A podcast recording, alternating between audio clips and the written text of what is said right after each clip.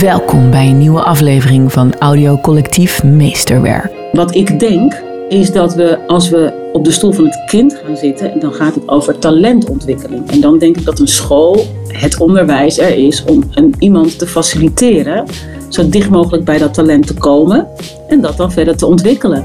Bijeen is een politieke partij die staat voor een Nederlandse samenleving met gelijke rechten en gelijke kansen voor iedereen. Bijeen is ontstaan uit een gedeeld verlangen naar verbinding, solidariteit, rechtvaardigheid en gelijkwaardigheid. Ik, ik, ik, ik ben ook niet zo iemand die vindt dat politiek altijd kant-en-klare oplossingen moet leveren. Ik denk dat de politiek moet faciliteren dat mensen die er verstand van hebben, die uh, uh, gebruiker zijn of actor zijn, dat die de oplossing mogen vinden. Samen met Eva Verseur spreek ik Sylvana Simons. Is er niemand die heeft nagedacht, oké, maar als alle kinderen bij het basisonderwijs achterstand oplopen, dan is er dus geen achterstand. De een heeft iets meer, de ander heeft iets minder. Moeten we dan de conclusie trekken? Oh, ellende, ellende, achterstand. Of moeten we zeggen, wat kunnen we aan het systeem veranderen? Moet een kind in dit jaar van corona, waarin zoveel mis is gegaan, moet hij echt straks die eindtoets maken? Moet hij echt op basis van het stressvolste jaar tot nu toe uit het leven en de schoolcarrière de toekomst ingezonden worden? Ik, ik, ik begrijp dat niet. Dit is Meesterwerk. Welkom Sylvana in de Meesterwerk podcast. Dankjewel. Stel dat je nu minister van Onderwijs zou zijn, nu op dit moment. Wat zou je, wat zou je zeggen tegen de, al die leerkrachten, al die docenten, al die professoren en, en studenten die nu uh, net weer allemaal naar school gaan of nog helemaal niet naar school gaan? Ik zou ze eerst willen vragen, hou vol. Maar ik zou ze het liefst ook een consistent beleid aanbieden.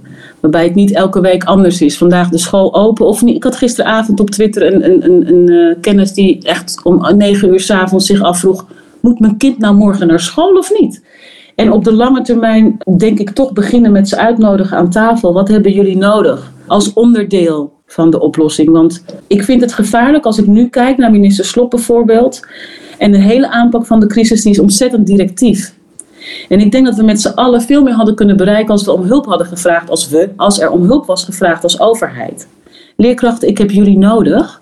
Kunnen jullie mij helpen om ervoor te zorgen dat kinderen wel nog de aandacht krijgen die we kunnen geven. Ik zou heel dat curriculum, niet het curriculum, maar die, die, die, planning, die eindtoets moet en het moet dan een CITO-toets. Ik zou het hebben losgelaten met als belang de ouders en de kinderen. Hoe kunnen we die helpen? Het is, een, het, is, het is niet een antwoord dat ik 1, 2, 3 kan zeggen, nou als ik dat doe, want dat, zei ik al eerder. Er moet zoveel gebeuren. We moeten het gesprek gewoon maar eerst eens gaan voeren.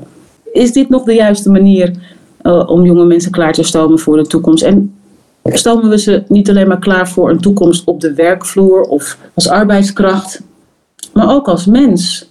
Hoe hoe, en, en hoe waarderen we, wat heeft waarde? Ik heb zelf geen diploma, hè, geen middelbare schooldiploma, dus officieel heb ik echt alleen lagere school. En mijn boodschap aan jonge mensen is niet dat school niet belangrijk is, maar dat je je niet moet laten nou ja, kleineren door de gedachte dat je verder geen waarde hebt als je geen middelbaar schooldiploma hebt. En dat, je, dat, dat dat schooldiploma ook maar iets zegt over wie je bent. Het zegt over de toetsen die je goed hebt doorlopen. Het zegt over de kennis die je tot op zekere hoogte hebt onthouden. Het zegt niets over jou als mens. Dat alleen al is een fundamenteel verschil als je praat over met welke intentie geef ik onderwijs. Dus ik heb een hele ambivalente relatie met het onderwijs. In jullie partijprogramma, ik wil dat toch even voorlezen. Dat, is, dat zijn de eerste twee zinnen die op de eerste pagina staan. Daar staat: Op dit moment zien we wereldwijd de scheuren in de oude machtsstructuren verder openbreken. De barsten zijn onzichtbaar en het is aan ons die barsten open te trekken. Ik las die zin, ik vond het een mooie zin. En toen dacht ik van, hoe kijk jij dan op dit moment naar ons onderwijs? Nou, ik zou over het onderwijs wel durven stellen dat daar de barsten al veel langer zichtbaar zijn. Dat dat misschien een van de eerste plekken is geweest waar we de barsten hebben kunnen zien. En dan heb ik het niet alleen over de afgelopen vijf of tien jaar. Maar we worstelen natuurlijk, als we heel ver teruggaan, al sinds de Mammoetwet, met hoe geven we ons onderwijs nou goed vorm. En um, nou, zonder een hele geschiedkundige verhandeling te houden, die jullie ook waarschijnlijk veel beter kennen dan ik zelf, zien we dat we al uh, uh, tientallen jaren op zoek zijn naar een systeem dat werkt voor ons allemaal. Daar worden heel vaak mooie initiatieven in gepresenteerd. Sommige werkbaar, sommige minder werkbaar. Maar we hebben nog niet die structurele oplossing gevonden. En als ik dat relateer aan de periode waar we nu in zitten met corona, dan denk ik dat het onderwijs wederom een van die plekken is waar we kunnen zien dat we het niet goed georganiseerd hebben. En wat mij betreft heeft dat ook voor een deel te maken met de intentie die erachter zit. Want als er tijdens de coronacrisis iets duidelijk is geworden, is dat de scholen toch ook voor een groot deel werken en functioneren als uh, kinderopvang voor werkende ouders. En dan krijgen de kids van alles en nog wat mee. Uh, dat is hartstikke mooi. Maar we zien wat er gebeurt op het moment dat die gebouwen niet meer open kunnen. Dus dat geeft ons aan dat de, dat de huidige tijd, waarin we zoveel mogelijkheden hebben om digitaal te werken of uh, uh, hybride te werken, zowel digitaal als fysiek, dat we daar niet op voorbereid waren. Dat kun je je afvragen in 2021. Um, de, de, de, de problemen binnen het onderwijs zijn meerlagig. Die gaan over structuur, hoe is het vormgegeven. dat heeft invloed op de grootte van de klassen, op de werkdruk van docenten. Het gaat ook over ouders, die steeds meer inspraak willen, die zich willen bemoeien met het onderwijs van hun kinderen. En uiteindelijk gaat het natuurlijk in de basis altijd over de jonge mensen die daar uh, gebruik van maken. en ook dat zie je nu tijdens de coronacrisis wel duidelijker worden dat het voor kinderen niet alleen fijn is om te leren, om dat te doen samen met leeftijdgenoten, maar ook dat zij nog niet eigenlijk voorbereid zijn op die nieuwe wereld waar we toch met z'n allen al voor een groot gedeelte in zitten. Veel kinderen zijn heel uh, uh, digitaal kundig, maar dan gaat het over ontspanning en social media en chat, Snapchat en TikTok.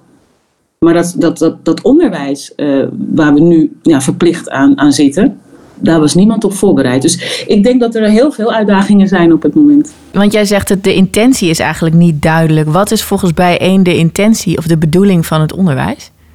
Nou ja, we zijn natuurlijk ooit aan die leerplicht begonnen omdat we kinderen hebben gered van de, van, van de kinderarbeid. Dit was een enorme vooruitgang. Maar we zijn wel blijven steken bij een leerplicht en niet bij een recht op onderwijs. Uh, dat zijn twee totaal verschillende dingen. Uh, dus dat, dat, geeft al iets aan over de intentie. we wilden kinderen verplicht naar school sturen. Ze zijn verplicht onderwijs te volgen. Maar hoe zit het met hun rechten?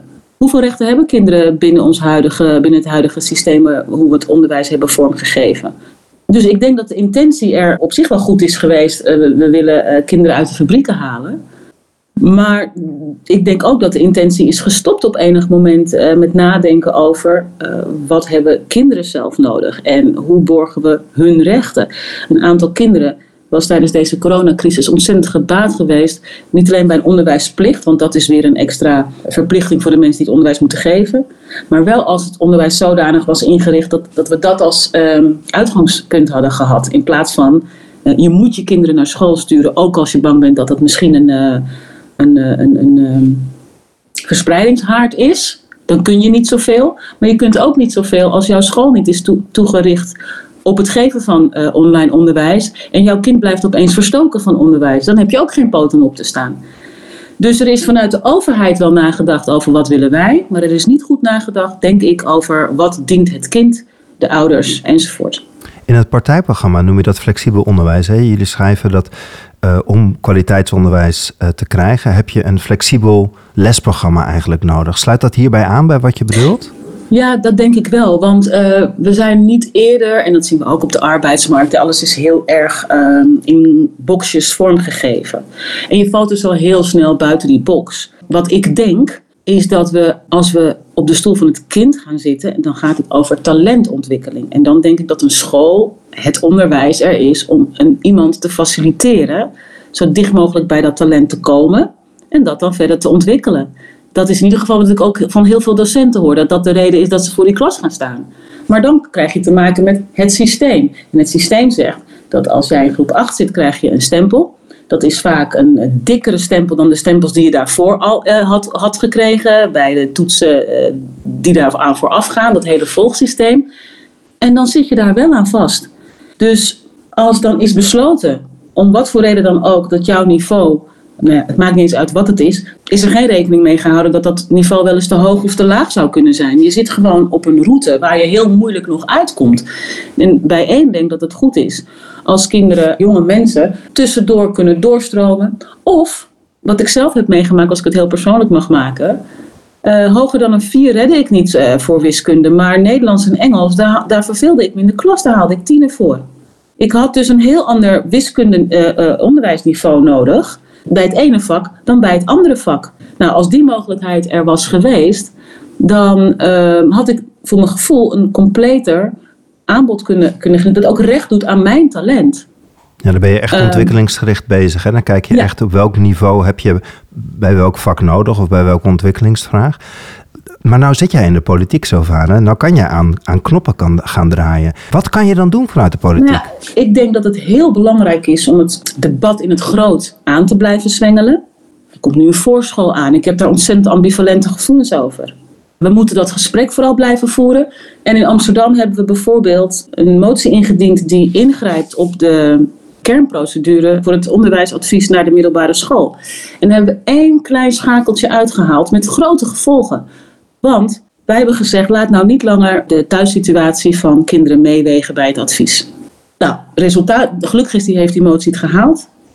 Het resultaat daarvan is dat kinderen niet langer op basis van uh, de capaciteiten of sociale uh, economische situaties van hun ouders beoordeeld worden, maar op hun eigen kennen en kunnen.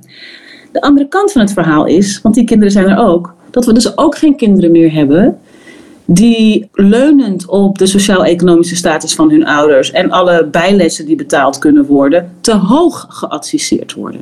Want we hebben nog een uh, zin daaraan toegevoegd en gezegd: het advies zou een overeenkomst moeten zijn tussen de school, de ouders en het kind. Geef het kind zeggenschap. Geef het kind verantwoordelijkheid. Kinderen van die leeftijd willen niets liever. Die zijn zo ambitieus. En die kennen zichzelf ook heel goed. Die willen of ervoor gaan, of die zeggen: Ik denk dat het beter is als ik niet te hoog grijp. Dat kunnen ze echt.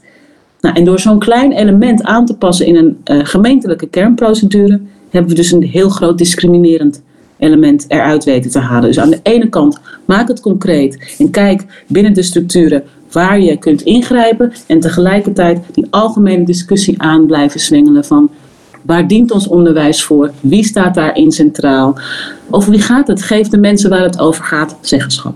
jullie zeggen onder andere ook dat brede scholen een antwoord is. Hè? Misschien ook op jouw situatie, hè? dat je kan opstromen of dat je vak op verschillende niveaus kan doen. Ja.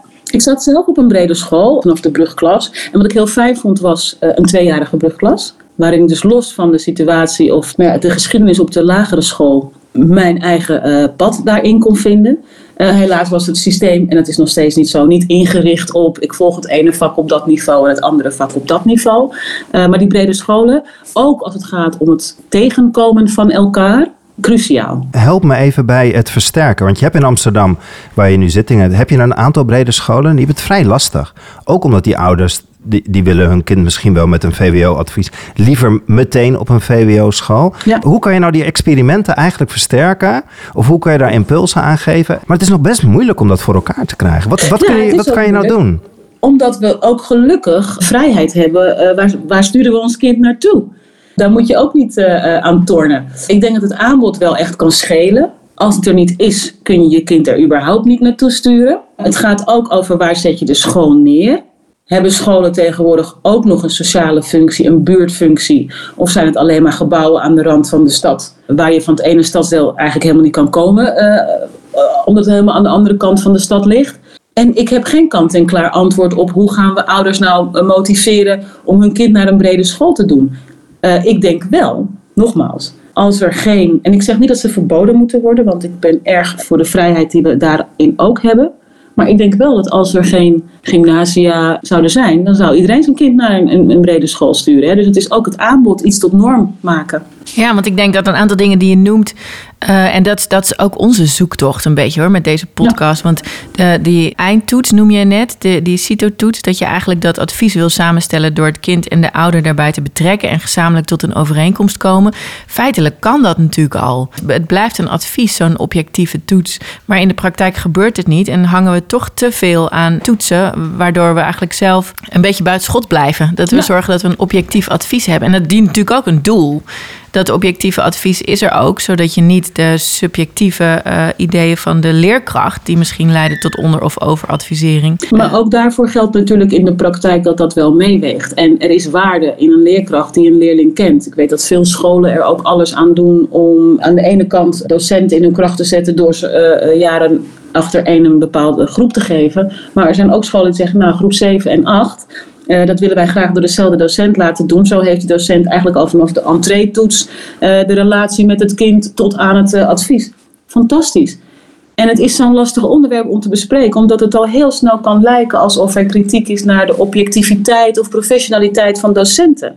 En dat is niet hoe ik er naar kijk, maar ik denk wel, en ik snap het ook, want je moet uiteindelijk ook gewoon werken en aan de slag. En het moet ook overzichtelijk zijn. Maar we mogen nooit het kind, dat jonge mens, uit het oog verliezen. Dus ook merk ik dat het toch goed is om zoiets in een kernprocedure nog eens te vermelden.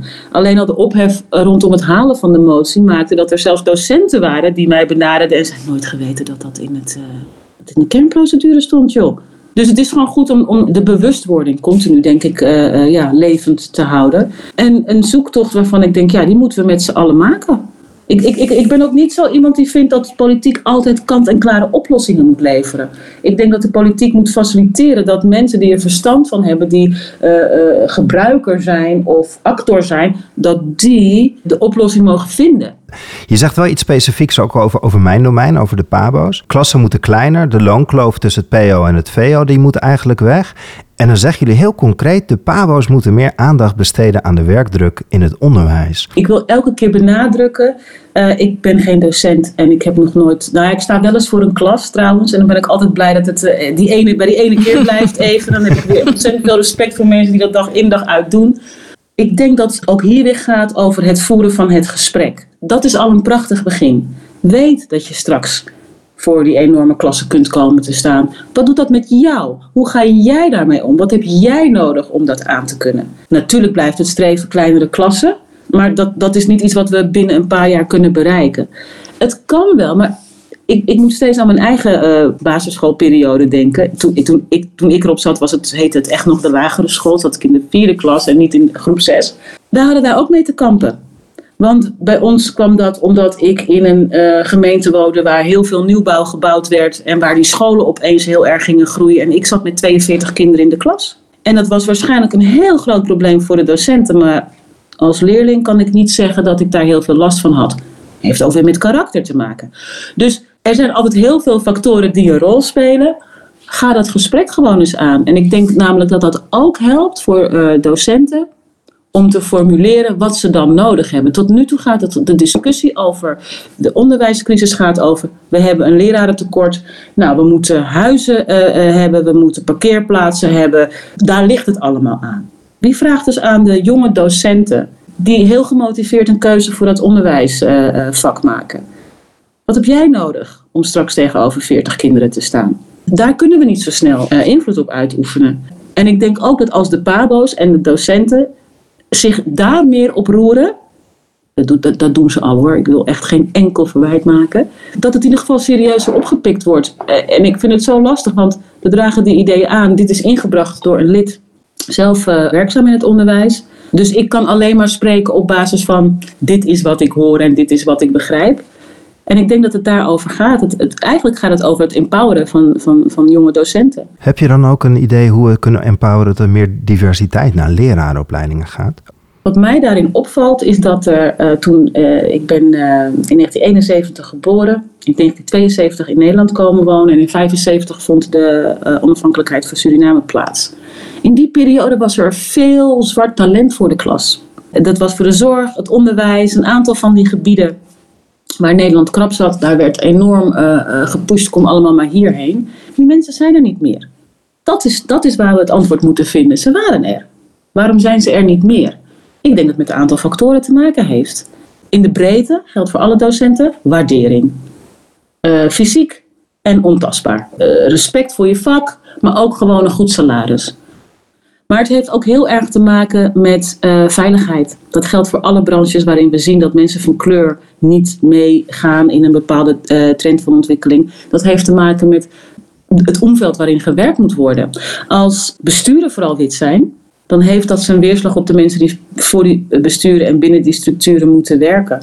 Ik, ik weet het niet waarom met name mensen van kleur dat niet doen. Maar ik kan me wel voorstellen dat dat ook te maken heeft met het, het, het perspectief, de beloning. Uh, kun je groeien? Welke, welke eer hangt er nog aan? Ja, want jullie gaan fors investeren als ik jullie programma lees. Ben jij niet bang dat we nu door deze coronacrisis daar eigenlijk niet meer aan toe komen volgend jaar?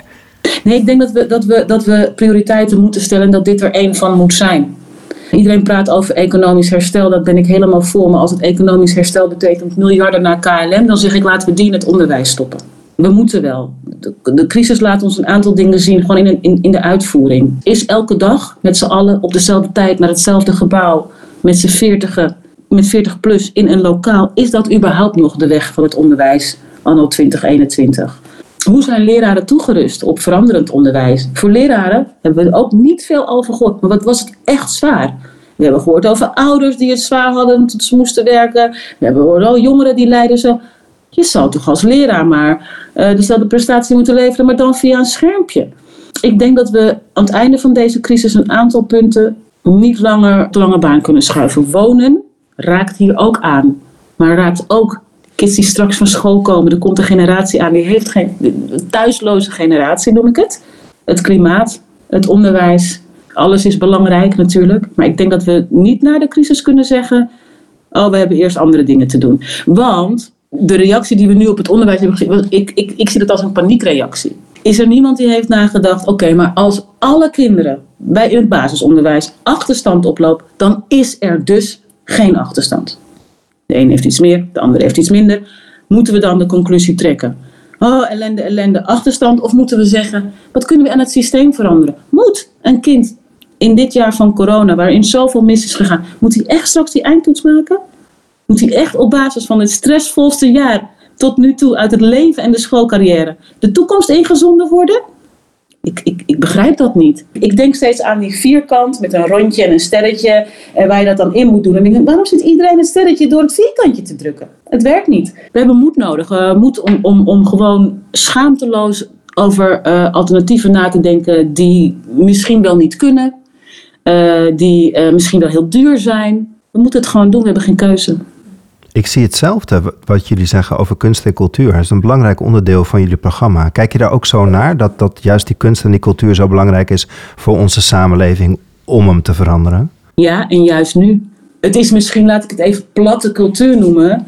Maar het, is wel, uh, het zijn wel de, de, de streamingdiensten die ons allemaal door deze pandemie heen hebben getrokken. De ene serie na de andere gingen we met z'n allen massaal kijken. Dat komt omdat we dat is, dat is een vorm van cultuur. Het is geen ballet of zo, maar het komt omdat we gewoon dat nodig hebben om te kunnen functioneren. Het hoofd moet af en toe uit en het hart moet af en toe geraakt worden. Uh, natuurlijk is daar ook weer een, een, een directe link met, met het onderwijs, waarvan ik denk dat we daar ook binnen het onderwijs meer ruimte voor moeten maken. Uh, maar ik denk dat de coronacrisis ons kan leren dat er behalve het systemische een hoop, aan, een hoop uh, onaanraakbare factoren zijn die ons mens maken en die het leven maken. Waarom durven we daar niet van af te stappen? Een van de antwoorden is: de ouders moeten wel naar het werk kunnen. Simpel. We moeten, nee, maar die economie moet wel blijven. Ik, niet mijn uh, uh, favoriete motivatie, maar zo is het systeem nu wel ingericht. Als ik jou zo beluister, dan hebben we eigenlijk niet zoveel beleid nodig, maar dan hebben we een dialoog nodig. En we hebben eigenlijk leiderschap met durf en, en lef nodig. Neem mij eens mee. Hoe wil je, als je straks in de Tweede Kamer zit, daar een bijdrage aan leveren? De discussie, het discours uh, steeds deze kant op trekken. Het discours, steeds mensen die, die aan de tafel zitten eraan herinneren. Waar gaat het eigenlijk over? Waar hebben we het over? Wat is ons aller belang? Er moet ook iemand zijn die alle belangen meeweegt. En iemand moet het lef hebben om te zeggen: we gaan het anders doen dan we het tot nu toe gedaan hebben. En ik ben altijd erg uh, uh, bang voor leiders die zeggen: Ik heb het antwoord. En ik, dat geloof ik niet. Ik geloof niet dat iemand het antwoord heeft. Ik ook niet, bij één ook niet. Maar bij één ziet wel het belang. Laten we samen tot een antwoord komen.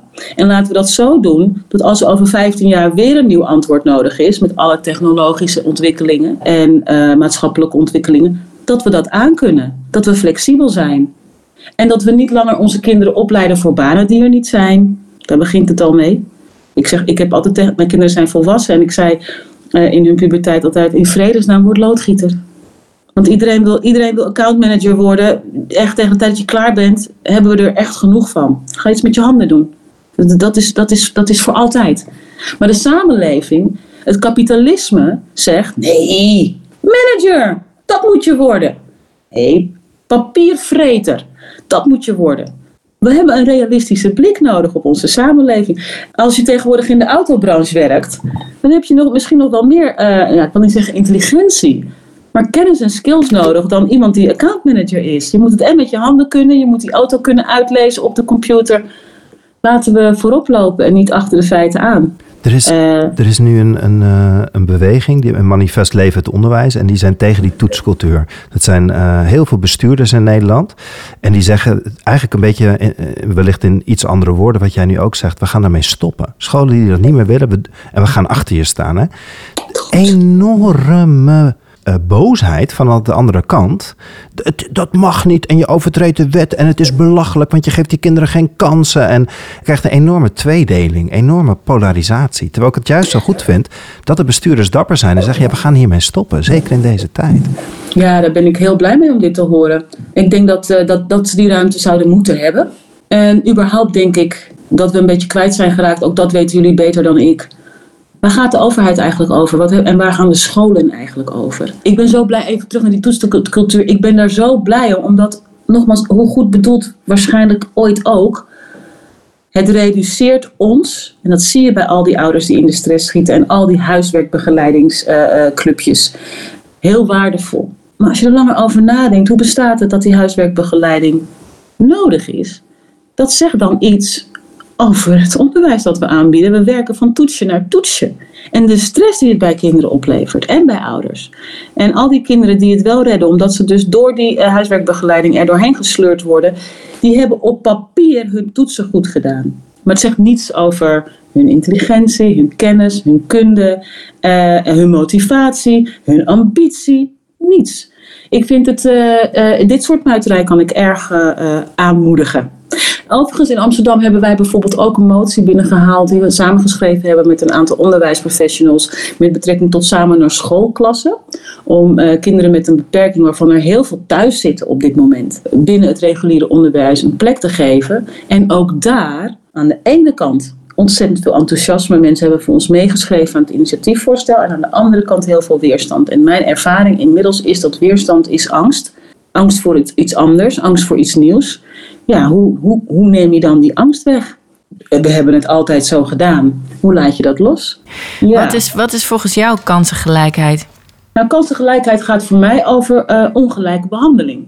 Hè? De, als, er, als er een disbalans is, dan zul je uh, aan de ene kant iets meer of minder moeten doen om die balans terug te brengen. Dus we moeten wel eerlijk zijn. En daarom ben ik weer terug bij het maatwerk. Uh, want er is ook een veel, veel gemaakte fout om te denken dat iedereen die tot een bepaalde demograf, demografische uh, klasse behoort, dat dat ook weer een homogene groep is. De ene armoede is de andere armoede niet. Het ene gezin waar de ouders slecht Nederlands spreken, is niet het andere gezin waar de uh, ouders slecht Nederlands spreken. En het ene gezin dat, waar de ouders slecht Nederlands spreken of analfabeet zijn, dat kan ook een wit gezin zijn. Dus we moeten echt af van het hokjesdenken overal. Willen we hiervan af kunnen? En ja, natuurlijk mag je toetsen. En dat moet je ook doen. Dat, doet, dat, dat, dat geeft uh, inzicht. Maar wat doe je dan vervolgens met de uitkomsten? En hoe nemen we de perversiteit van de subsidies weg? Hoe, hoe zorgen we dat het niet loont om een zwarte school te zijn? Er zijn ook mensen die zeggen, ja, dan moet je leerkrachten op de witte school anders gaan betalen dan op de zwarte school. Nou, ik dacht het even niet. Wanneer spreek je eigenlijk goed Nederlands? Wat zijn de nulpunten? Waar, gaan, waar werken we eigenlijk mee? Wanneer is iemand van de lagere sociale klasse een loodgieter zou zomaar eens van de lagere sociale klasse kunnen zijn. Maar ja, een loodgieter met een eigen bedrijf is op dit moment spekkoper. En er zijn scholen waar de ouders het niet zo goed kunnen betalen. Mensen de 5 euro voor het schoolreisje niet kunnen missen. En het kind dan niet mee mag op schoolreisje. Weet je wel? Dus ja, segregatie in, haar, in de breedste zin van het woord. Ik denk dat dat een aandachtspunt is voor de komende periode. Ja, en daar gaan jullie actief tegen strijden, begreep ik uit het partijprogramma. Absoluut. En hoe dan? Nou ja, door, door inderdaad alle lagen van het domein goed door te nemen en te kijken waar, hè, waar kunnen we tweaken, uh, uh, aanpassen. Zoals bij de, uh, de procedure voor, de, voor het schooladvies. En wat bij één betreft pakken wij segregatie in het onderwijs ook aan op het moment dat we het over decolonisatie van de hele organisatie en de hele overheid hebben. de manier waarop wij waarde geven en verwachtingen hebben van leerlingen die heeft ook te maken met nou ja, goed, al die andere antiracistische onderwerpen. Dus het is bij ons altijd onderdeel van het grote geheel. Gestaag. Wij zijn geen partij die je makkelijk kunt vragen: noem eens één concreet punt wat je over vier jaar bereikt hebt. Maar we zijn wel een partij die, net als bijvoorbeeld de Partij voor de Dieren, uh, noodzakelijk is om het discours te veranderen en het gesprek te veranderen. En zij zijn daar een prachtig voorbeeld van. Toen zij begonnen, dacht iedereen: wat? Een partij die zich druk maakt over natuur en dieren? Onzin. En nu, op dit moment, zeker met de coronacrisis, zij zijn zo'n beetje de enige partij die recht van spreken heeft als het gaat over structurele visie en aanpak. Uh, over hoe dit soort dingen te voorkomen. En ik mag me daar graag aan spiegelen het, het, worden wel uh, lelijke jaren in dat opzicht. Dat we heel veel pijnlijke gesprekken met elkaar moeten gaan voeren. Ja, het is niet anders. Ik zie, ik zie, ik zie toekomstige generaties. Ik ben sinds kort ook oma. Dan word je heel soft van, kan ik je vertellen. Dan ga je alles relateren aan, oh, en haar toekomst dan.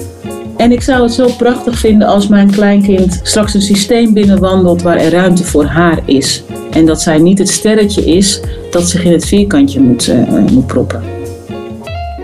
Audiocollectief Meesterwerk tak de komende periode de landelijke verkiezingen van 2021 in. Want wij denken dat er voor het onderwijs echt te kiezen is.